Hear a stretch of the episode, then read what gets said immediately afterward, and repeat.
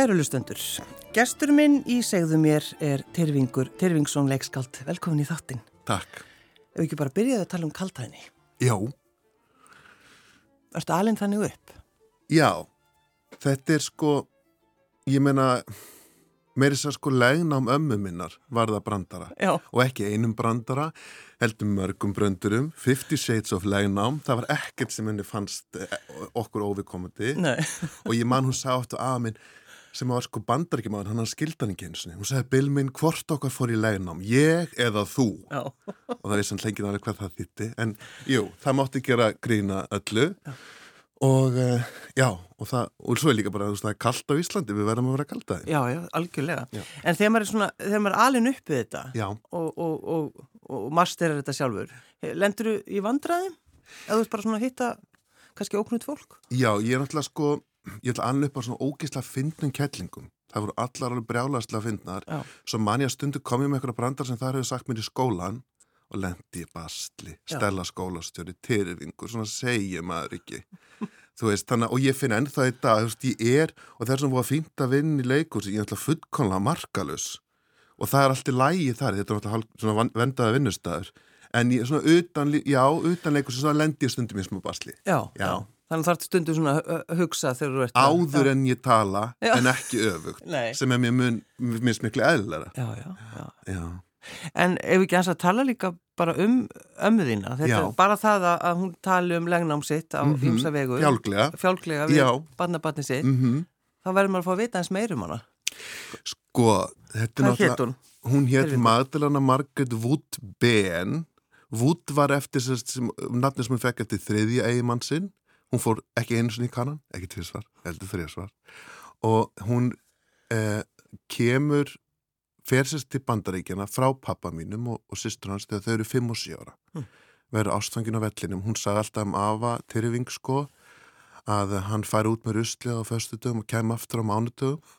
Og henni fannst það, það glæpsamlegt að hún ákvað bara að flýja land og f- kynntist manni og fóði til bandaríkjana og hvarf svona reglulega sko og dúkar eða ekkit upp aftur nema það að nokkur, svona tveimur þreimur árum síðan þá er hún starf hún því að koma aftur til landsins til þess að verða mamma. Þetta snýrst alltaf um það að koma að verða mamma. Já, en þá er hún á flugullinum og hittir mann á barnum Ava Bill Wood og verður enn og aftur ástfangin og hverfur enn og aftur. Þannig að eiga minningar um að sitja á flugullin við gamla glervekkin og horfi það sem gæti sé hversu mikið brenniðin fólk keipti Já, og, já. og hafa fylgst með burðadýrim og svona í gennum glervekkin að þar sátu þau, elsku sískin og byggðu mömmu sem bara svo kom aldrei sko og þetta er þess að ég ætlum að sjö æfintur um skömmnir í þjóðlugúsi og, og þetta er svolítið svona kannski grunnurinn að því, því verkið, Já. svona svo litla saga. En hefur þú áður skrifað um ömmu þína?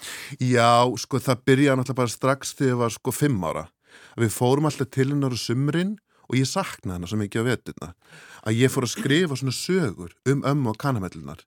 Að það voru vinkonir hennar, það voru alltaf saman í bílskutnum hennar ömmu og í reyni efinu og hittust þar á upplut og sko göllt svitnu og drukku vodki vatn að þau voru alltaf í megrun. Og svo satt ég heima og saknaði þeirra og fór að skrifa með sögur. Og pappi, nei mamma ákvað að faxa sögurnar til þeirra. Já.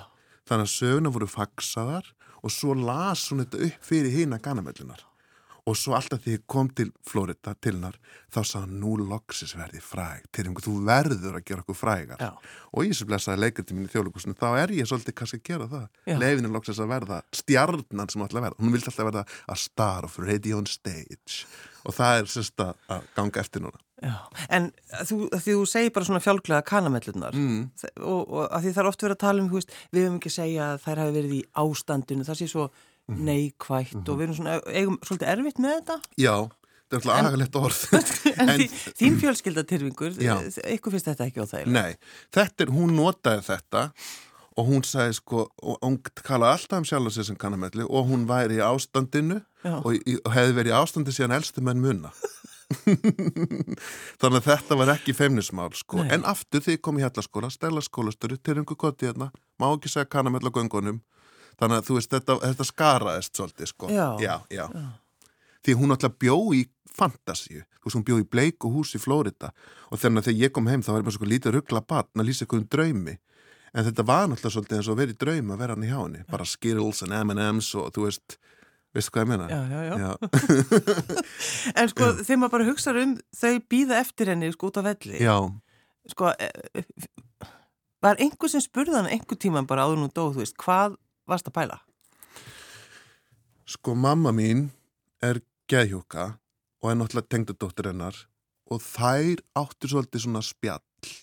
Og það sem hefur verið, mamma sagði alltaf um ömmu, hún hefur örugglega verið með svona, já, persónleika röskun og svona mikið svona áfalla vesen áni og svo náttúrulega var hún heimsmetafi í alkoholisma slóð þar mörgmet og kefti oft og við alla sem vildu Já, já. þannig að hún var spurinn, það var svolítið, er, hún, sko maður man eftir henni, þú veist, þegar hún var komin allressilega út úr, að þá stundum brotnaði svolítið og þá sá maður inn, sko, já. í eftirsjána, en hún var mjög duglega að að felan og fór þetta svolítið á bara hörkunni og fjörun og djamminu, skilur En það hefur kannski verið bara eina sem hún gætt gert. Já, og kunni það best Og og, svona best. sjarmanum og daðrinu og allt þetta Já, En, en þú veist, vera bara að fara upp í flugvel, já, þú veist, og sjá einhver já, á barnum Mhm. sem er á fyllir í, já þú veist, hann er, var, þessi maður var á fyllir í Já. á barnum. Já, og það sem að rugglaðist held ég, hann var að fyllir í á barnum með dóttu sinni, lítilli. Og amma gengur þeirri konu í móðurstað, sem er náttúrulega mjög rugglingslegt og skrítið Já. og var náttúrulega ennþá örglega erfvera fyrir krakkana heima. Að vita hún var hann mamma einhverjar annara stelpugstar í útlöndum, sko.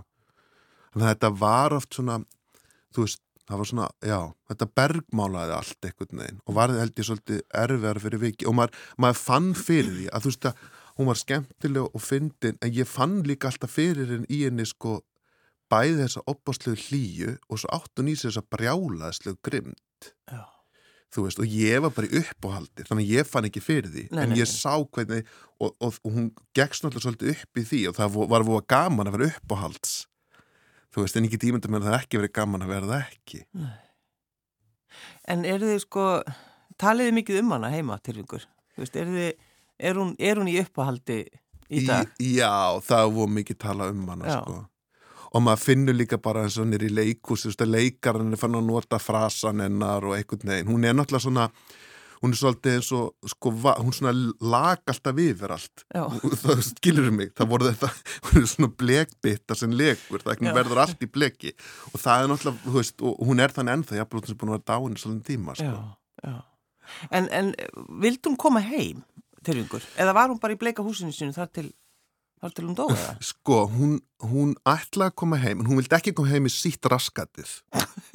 Og hún sagði, ég kem ekki heim með sítt raskatið. Og alltaf veit ekki hvað það þýtti en það, hún, hún sá fyrir sér í mann talaði stundum við mig sko, hún alltaf vildi vera starf fyrir Etión Stage. Akkurat. hún bjóð um tíma í Las Vegas, segir hún. Og hún segist með þess að hafa sungiðar, segir hún. En það veit engin alveg hvað af þess er satt sko hún sagðist náttúrulega að vera, sjálf vera stjarnallra barna en það bara hafa engin alveg tekið eftir því en hún kom aldrei heima því henni tókst aldrei að slá í gegn sko Já, hann, hún vildi ekki koma heim. Nei, ekki fyrir hún væri búin að slá í gegn já. og svo sló hún ekki gegn Nei, og kemur eiginlega heim uh, upp úr sjötugu, þá Mm. hafi maðurinn hennar dáið, Bill, sem hún hafi kynst þarna á flugvöldinum. Á- á barnum. Já, barnum, og verða barnum síðan. Mm.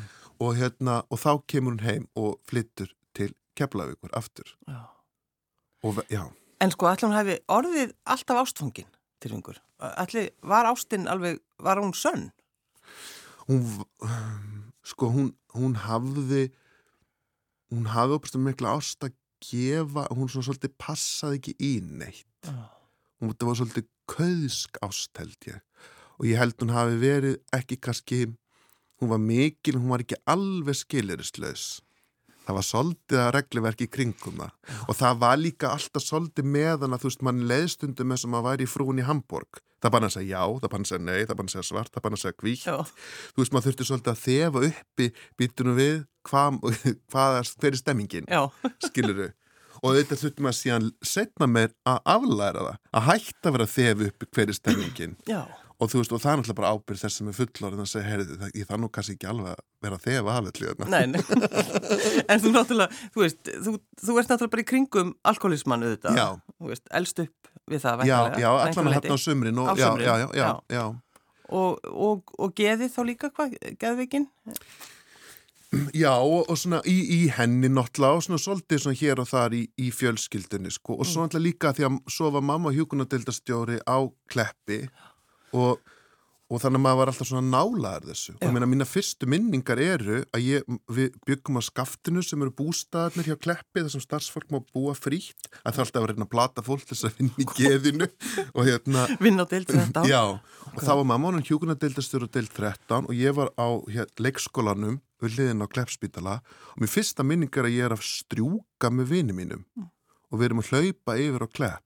Og það er risastór maður með svona raukt hár sem tekum upp að háhest og við hlaupum um allan Kleppspítala og ég er bara eitthvað Marja, Marja, Marja því ég vissi hvað hún hétt og svo allt í hennu erum við komin efst upp á del 13 og það er mamma og þá var þetta held ég svona, þau voru miklu vinnu hún og þessi skjólstæðingu sko. sem var mjög veikur. Já, en hafði fundið mig og leikskóla, náttúrulega, fóstrunar að fá tauga áfall, en hann fann einhvers staðar. En þessi deild, sko, þegar mamma þín er með yngur, þetta er náttúrulega, þarna voru nýjar aðferð, þarna var verið að, að svona reyna að breyta einhverju í tengslum við þá sem voru, fyrir þá sem voru veikir. já, það var það. Og það til dæmis á þessari deild og ég held að það gildi ennþá um þá deild sem tók við af þessari að fólk sem vann átti bara að vera í eigin fötum. Já, og hugmynd var í mamma, manna mamma sagði alltaf fyrir ekki við erum ekki fremja aðgerðar á þessu fólki hérna. þau eru ekki fyrir sjúkrahúslopp við erum bara að tala við þau. Þannig að það var alls konar svona hugmyndafræði sko, svona hip, smá hippa kannski. svolítið mikið hippa. Og, mi- og náttúrulega þarna var, og ég man að það var voða mótstað í þeim þegar hugran atfellismeðferð kom, þeim fannst það óuleg vitlisa, því að þetta var sálgreininga fólk og, og, og mikið svona talað um sko, þú veist, um, hvernig þú notar söguna og það sem er kallað narrative nursing á ennsku, það er svona hvernig þú hjúgra fólki með því að, eiginlega, að það fá að endur eitthvað var söguna sína. Í stæðans, ég er eitthvað sem er veikur, ég er eitthvað sem er að takast á við veikindi. Þú veist, bara svona litli hluti Já. sem alltaf er rosa hjálplegir að ég taki við hlutverki aðalheitunar í minnusögu já, já, og svona eitthvað. Svo kemur bara hugran atvillismeðferð sem þau þóld ekki og tröllriði núna öllu en er aftur að víkja svolítið fyrir svona, einmitt þessu EMDR-i svolítið aftur eitthvað svona útgáfa að þessari sálgreiningu sem er náttúrulega miklu skemmtilega og miklu leikúslegri skilur mig.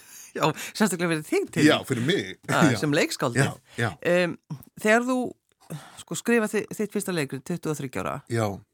tók fólk markaður? Þá er ég bara að tala um að því þú ert svo ungur. Mhm. Hvað hefur þessi maður að segja? Já, bara góð spurning, million dollar question. Hérna, ég hafði náttúrulega verið að skrifa leikrit líki menturskóla eitthvað, en þetta er fyrsta verki sem er þarna á í borgarleikur, sem þetta var einþáttungur. Og hvað, hvað hétt, Það hétt skúrin á sléttunni og það, og það sem að hjálpaði mér opáslega var að þú veist, ég skrifa það, Mhm. en þrösturlega og það. Og fólk er alveg tilbúið að trúa því sem þrösturlega segir. Allir. já, það er saman hvað hann segir. Já, já. Þannig að ég náttúrulega leikskaldi er svona svolítið falið. Ekki láta hann koma fram, hann er allt ungur. Já, trúur sengin. Og það var eins og svo setnum við förum yfir í bláskjá, sko, að það einhvern veginn voru opastlega góði leikarar. Veist, og, og mjög flottu leikstjóri líka, þannig að þá er maður, að því hefði ég staðið einn á sviðinu, þá hefði náttúrulega enginn tekið neitt marka mér. En ég var bara í vagnum, þannig að þetta gekk. Já. Ertu hissa stundum á velgengniðinni til yngur? Góð spurning, ég gleym henni stundum. Mér líður ekki alltaf eins og gangi voða vel. Þú veist, ef ég sitt heima bara í ykkur senu eða í ykkur verki sem er ekki að koma saman, að þá náttúrulega er þessi velgengni mjög langt frá mér. En ég, ég náttúrulega, að því ég bý úti, þá finn ég það svona því ég kem heim. Alveg já, að, að þú veist, náttúrulega líka bara eitthvað fólkið ekki væntum mann í leikursinu, sem er mjög góð tilfinning og líka bara, já, fólk vill leiki þessu, þú veist, að því ég get stundum farið í svona ef mig skildi nú kalla, Já. skilur mig, Já, já. afsækið þennan samtíning, þetta litla leikrita lús sem ég hef kasta hérna í, þú veist, þessi svolítið, gjarn, en, en það rennur svolítið af mér þegar ég er innan að leika og ég sé bara, veist, að Hilmi Snær er að gera þetta mjög vel og er bara mjög ánæri vinnunni. Já, bara mjög glaður. Já, það er svolítið aðeins erfið að vorkina sér, Já, eins, eins og manni finnst það nú gott. Ma, maður verður samt stundum að gera það. Já, það er svo fínt, já, já. maður er svolítið heimavelli þar, já, já.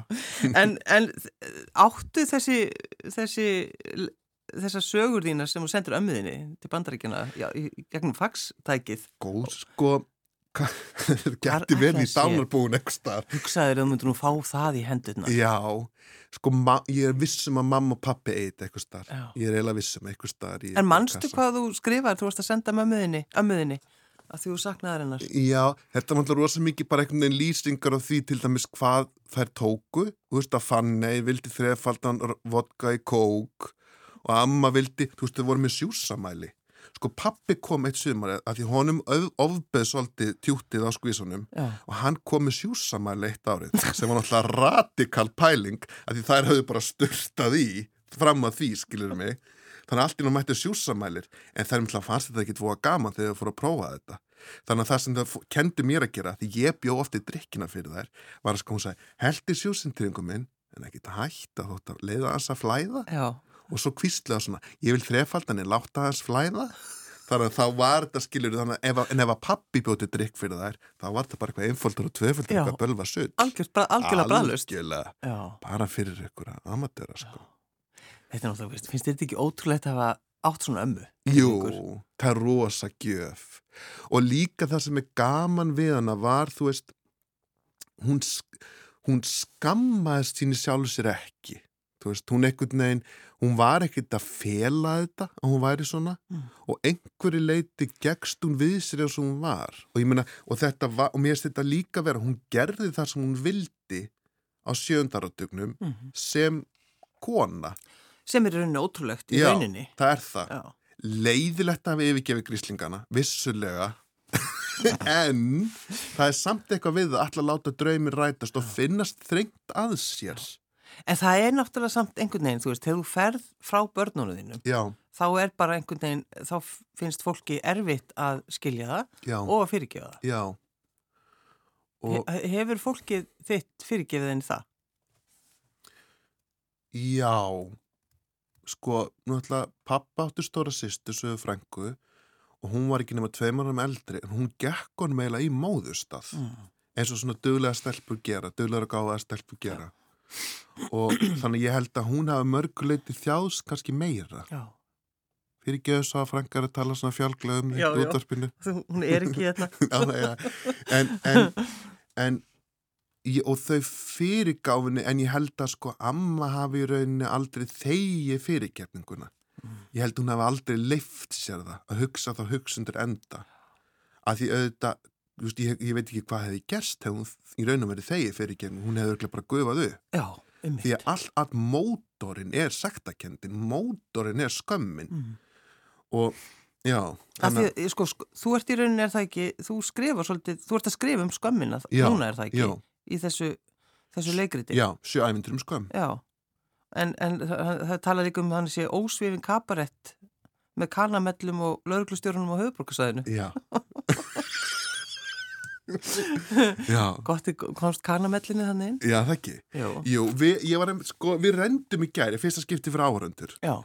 Og fyrir leikskáld er það marstrakent, skilur, að við vitum ekki neitt og það var alveg við tókum stöðuna skilur svona áður, heyrðu, er þetta þú veist, ef þetta klikkar, þá verður bara allir með fasta samninga enn í þjóðleikúsinu og, og ég fór að hugsa svona, já, ég getur kannski unna á skrifstofu eða eitthvað svona, skiluru alveg komið þanga, já, já. svo bara fyllir salun af fólki og strax á fyrstu mínundu byrja þessi brjálaðislega hlátraskall En hvernig líður þau þú heyrir fólk hlæja? Sko þetta er eins og ég hafi verið með magasár og hafi fengið liv fyrir magasárinu, skilur þið þegar þið byrja að hlæða þetta í gær Já. ég var svo fein og líka bara í gegnum allt verkið og svo farið það og fekk ég svo fullt að skilabóðum eftir og, mm. og allt ínum fyrir, miðasalna stað og þetta er óbáslega feinleiki Af hverju byrði í Amstedam til yngur? Sko ég man því fórhanga í heimsók 2016 að ég fór í strætó og ég settist inn í strætóin og ég tók eftir því að þegar fólk gekk út úr strætó þá þökkuðu allir strætóbýstrónu fyrir. Takk, nikkuðu svona til hans eða hennar. Já. Og það var eitthvað við þetta, ég veit ekki alveg hvað það var, sem ég sem verið, hér geti ég nú alveg verið. Bara út af þessu? Já. Sko ég haf, mér hafði langa að bú í Berlín, Já. en það er alltaf, sko sérstaklega hvem fólki, náttúrulega alltaf að skamma mann. Aktung, aktung og maður má ekki standa neinst ára eitthvað, þannig ég gati ekki búið það, ég get ekki, það er ekki að skamma mann allan daginn en þetta var ekki verið að skamma, það var bara að vera að þakka fyrir þakka fyrir farið og það finnst mér í, í hollendingum og sérstaklega Amsterdambúanum Mm. og talandum skömm, það er náttúrulega er skömmin er ansi lítil í Amsterdam það er lítið eftir afinni það eimir já. ekki afinni Það, viltu segja hlustendur hvað þú býr til dæmis? Já, sko, ég bý í uh, ég bý í Amsterdam, í, í vestur Amsterdam og ég bý fyrir ofan það sem er kallað um, herraklúpur Mhm. og, og þar er starfaðdömur og hérna og það er svona lítill hassal og hotninu sko, þannig ég er í svona alvöru Amsterdam götu. Og það er náttúrulega ótrúlega merkilt og ég hitti ár og ég þekki þær sumar núna. Og maður svona soldi getur líka þekktar á færi, það er oft með lítinn chihuahua hund og það er oft svona, svona búið að fylla vel í varirnar Já, og alltaf, alltaf í svona íþróttafötum. Og svo er það bara með dressi í töskunni skilur mig. Og eitt sem mér finnst að því ég með bókaldara náttúrulega í, í Amsterdam og bókaldari minn, hann sé bara um listamenn og fólki vændi. Að þetta er, við, við lútum sömu skattalögum, skilur mig. Já, listamenninni Já. búningar, frádráttabært akkurat. skilur mig ég held að það sé mér sem er síkarettu frádráttabært eitthvað svolítið, þannig að þegar Já. ég fyrir á skrifstónu hitti bókaldari minn, þá er mjög gaman. Já, En þær eru rosalega flottar og mér, ég tala mikið við þar og mér stýttir mér alveg dásanlegt í Amsterdam að að það er ekki tala sko um vændisfólk, það er tala við vændisfólk. Og þær eru með stjættafélag og það er svona heljarna frauka sem er formaðan stjættafélagsins sem kemur í fjölmiðlum Já, og, og og við fyrir, þeir, tala fyrir þeirra hönd. Já, og það sem var líka svo gott í COVID var að þær fengu allar styrk frá ríkinu. Handla gátt ekki unnið, nándarstarf. Þannig að þær voru allar bara styrkum og þannig að við vorum listamennir sem að leikusin lokuð og svo þær allar, allar saman í göngutúr. Maður sá það svona með litla tjúana. Já, ertu þið þannig hund?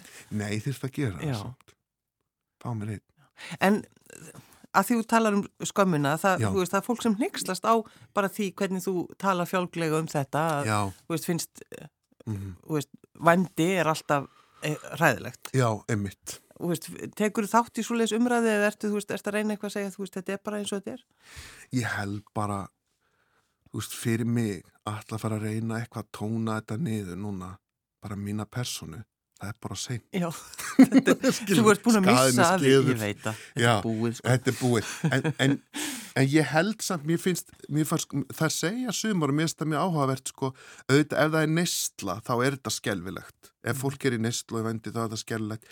En það tala sumar um, ég mann einn sagði, sko, hún sagði, það var svo gott að fá valdi aftur, komum mjög erfir að æsku og miklu ofbeldi, hún sagði, nú er ég sem ræð hvað má og hvað má ekki, ég ræð hvað kostar, og einhvern veginn, og hún- talar um að hafa bara tekið miklu framfaraskrefum, að hafa svona í gegnum kynlífið aftur fundið til sín sko Já, já. og það er mikið, og þetta er ekki bara hún sem segir, þetta er mikið af ungu feministunum svona post, nei hérna pro-sex feministunum sem að tala á þessum nótum líka Mhm. og mér finnst þetta mjög áhugavert og, og mjög dýnamisk pæling í rauninni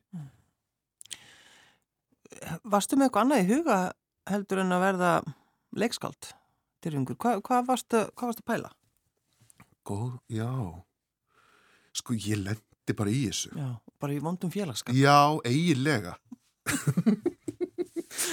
Skelvilegu félagskapur Alveg svakaleg. og svo bara einhvern veginn og líka ég var að heppi með þessi leikustjóra voru voru góðið við mig Mhm. ég vissi ekki neitt, ég ætla ekki að leikursfólki og engi leikurs fjölskyldu þú veist, við höfum, þú veist það er bara að fara á Pétur Panna Kardamanbæin og eitthvað svona Já, já, er þið ekki líka, voru ekki alltaf einhvern veginn að reyna að finna út hvort það væri einhver síslumæður, einhver staðar í hérna? Afi, jú, afi Benni, hann var hérna, pappi spurði neitt um að er enginn í þessari fjölskyldi sem hefur gert eitthvað? Eitthvað bara. Er ekki einhver síslumadur, er ekki einhver prestur, einhver staðar? Hann sagði, ég ætla að tjekka þessu. Svo kom afi Benni aftur og sagði, heyrðu, hérna, ég fann einn, einn embatismann. Og þessi, nú hvað er það? Heyrðu, það var hundarhinsari. Vel gert. Já, Já, en sem sagt, þú hlýtur að hafa, þú veist, hugsað eitthvað, hvað, hvað á ég að gera? Hvernig, hvernig vil ég hafa lífið mitt? ég hefði kannski bara eh, gert þessu mamma og farið bara í hjúgrun og enn á. Já. Það hefði örgulega verið, verið gaman þótt að hefði örugglega- ég hefði örgulega ekki haft úttaldið í það, sko. Nei, Þú veist, ég er aðeins svo mikið kveif, held ég. já. og já, það er allir sér ekki ein- einna, einna helst það En, þa- en þú ferð þá, þú ferð í gegnum bara svona hefbundi nám í tengslu með þetta tilfingur, þú ferð í listaháskólan það ekki Jú, og finnur eitthvað þar. Já, ég hafði líka sko, við höfum stopnað leikfélag mjög ung og bara svona 17-18 ef maður bara kom með leikfélag Mhm. og ég maður við til dæmis gerðum eina síningu saman það sem að með ungum krökkum sem eru mörg af því Kolfina Nikolasdóttir og, fólks, og Haraldur Ari sem er leikar og fólk sem er að vinna í listum í dag og það sem þau gerðu var það að þau byrjuðu í Philadelphia söfniðin öll hægt eitt og einu gengu í Philadelphia söfniðin og kynntust krökkunum þar áðans að láta vita að við varum að fara að búti síningu Já. svo á Þorlagsmessu þá voru þau búin að læra til dæmis öll litlu leikritin sem er leikin í Philadelphia og eitthvað svo leis þá buðuðu fólki að síningu og þetta var bara svona samkoma eins og í Philadelphia nema það í miðri samkomu þá hafið þau kynst fólki í Philadelphia söfnum þá fara þau, byrja þau að bera vittni um akkur eru í Philadelphia söfnum og Guð og Krist og, og tala tungum og allt hvað eina. Og náttúrulega áhörandi fengu áfall sko að því þarna kom saman þau að leika og síðan eitthvað sem komin í algjöra alvöru og það sem hafi rauninni líka gest var að þessi krakka sem byrjuði fylgdæðarsöfnin sem voru náttúrulega bara tandum kaltæni bara skilja einhver assholes, skilja í MH þau voru allt inni líka bara komið svo mikið inn. Þannig að þau voru orðin svona hálf komin inn í fylgdæðarsöfnin sjálf. Þannig að þetta var rosalega vírusýning. Og þetta var gert, við þetta í gömlum skúr þar sem var nýbúið að drepa eitthvað því að hann hlætti með engan pening þetta var mjög sérstök þorlagsmessa og en þeir sem voru, það gleymur þessu enginn, þetta var alltaf fáranlega kvöldsund og við vorum í halvt ára undirbúana fyrir bara síðan ykkur 20 áhörundur þú veist en það, við vorum í svona einhverjum svona pælingum þú Vá. veist bara strax 17 18 ára Þannig að, Já. já, þetta er hressandi. já, já. já, Og svo ferðir það ekki, svo ferðir eitthvað út.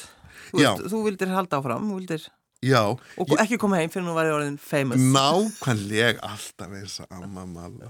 Sko, ég fer í, fyrst er ég í skiptinámi í Tjekklandi, í Brno í Tjekklandi, sem var rosalega fyndi, að þetta er alveg, þú veist, þetta er 2009 eitthvað svo leiðis, þetta er hrun, og ég man að í stóra torginu Brno, það var McDonalds.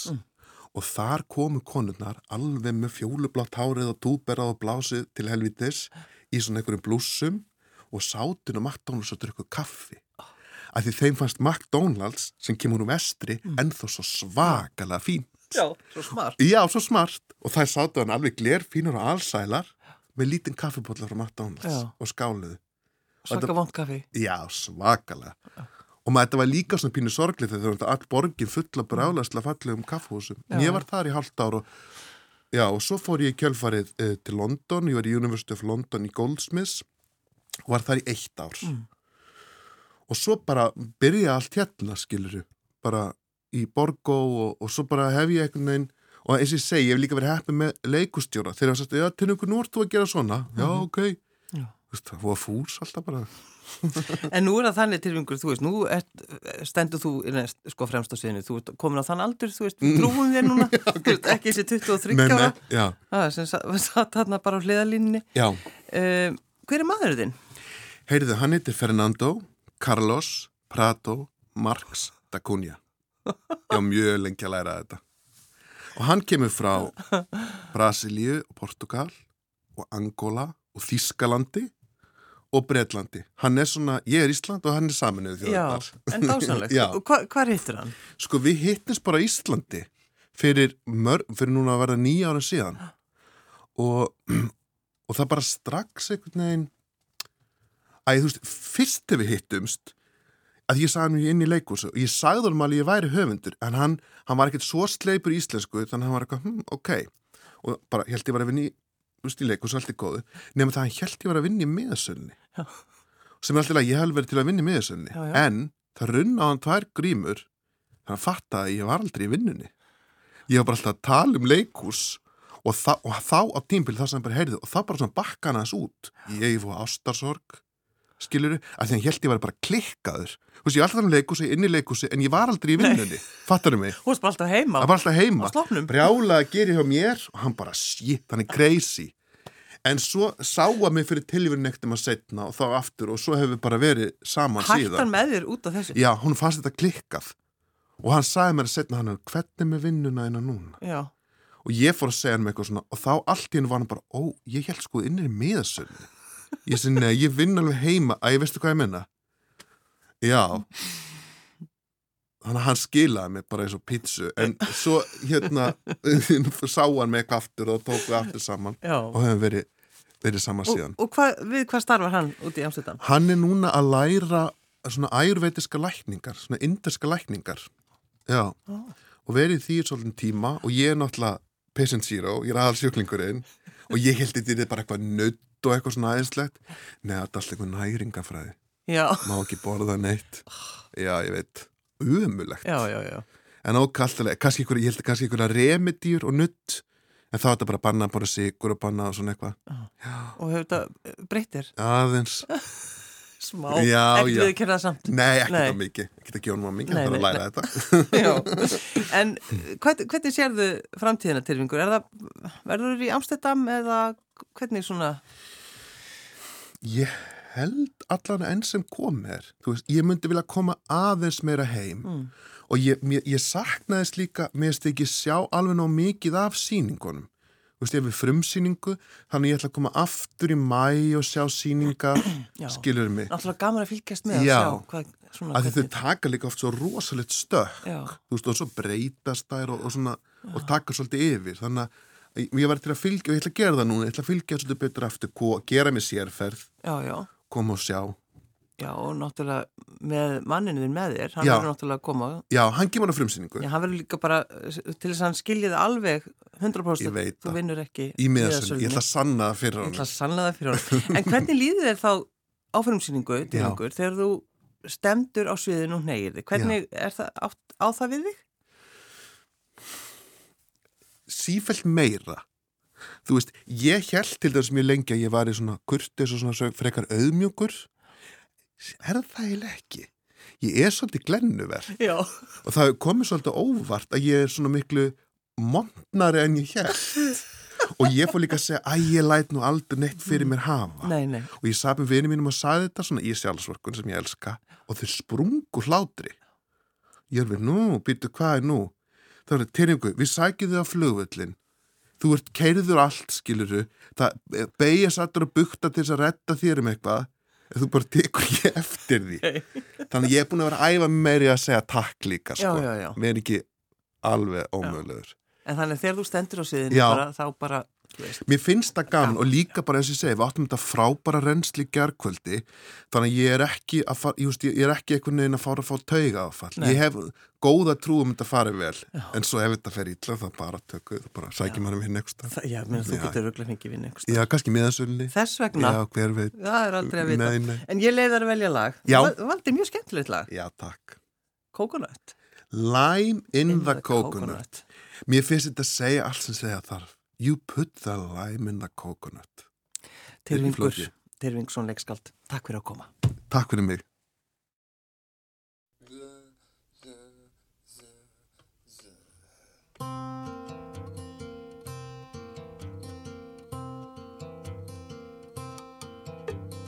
Brother bought a coconut, he bought it for the dime. His sister had another one, she paid it for the lime. She put the lime in the coconut, she drank and poured up. She put the lime in the coconut, she drank and poured up. She put the lime in the coconut, she drank and poured up. She put the lime in the coconut, she called the doctor, woke him up and said, Doctor, ain't there nothing I can take? I said, Doctor, to relieve his bellyache. I said, Doctor, ain't there nothing I can take? I said, Doctor, to relieve his bellyache.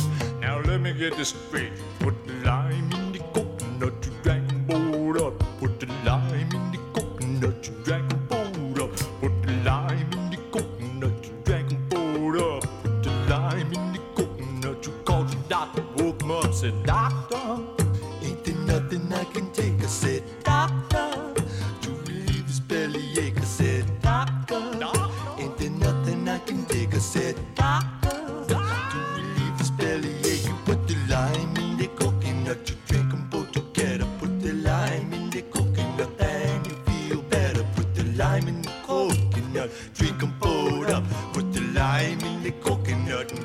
In the morning.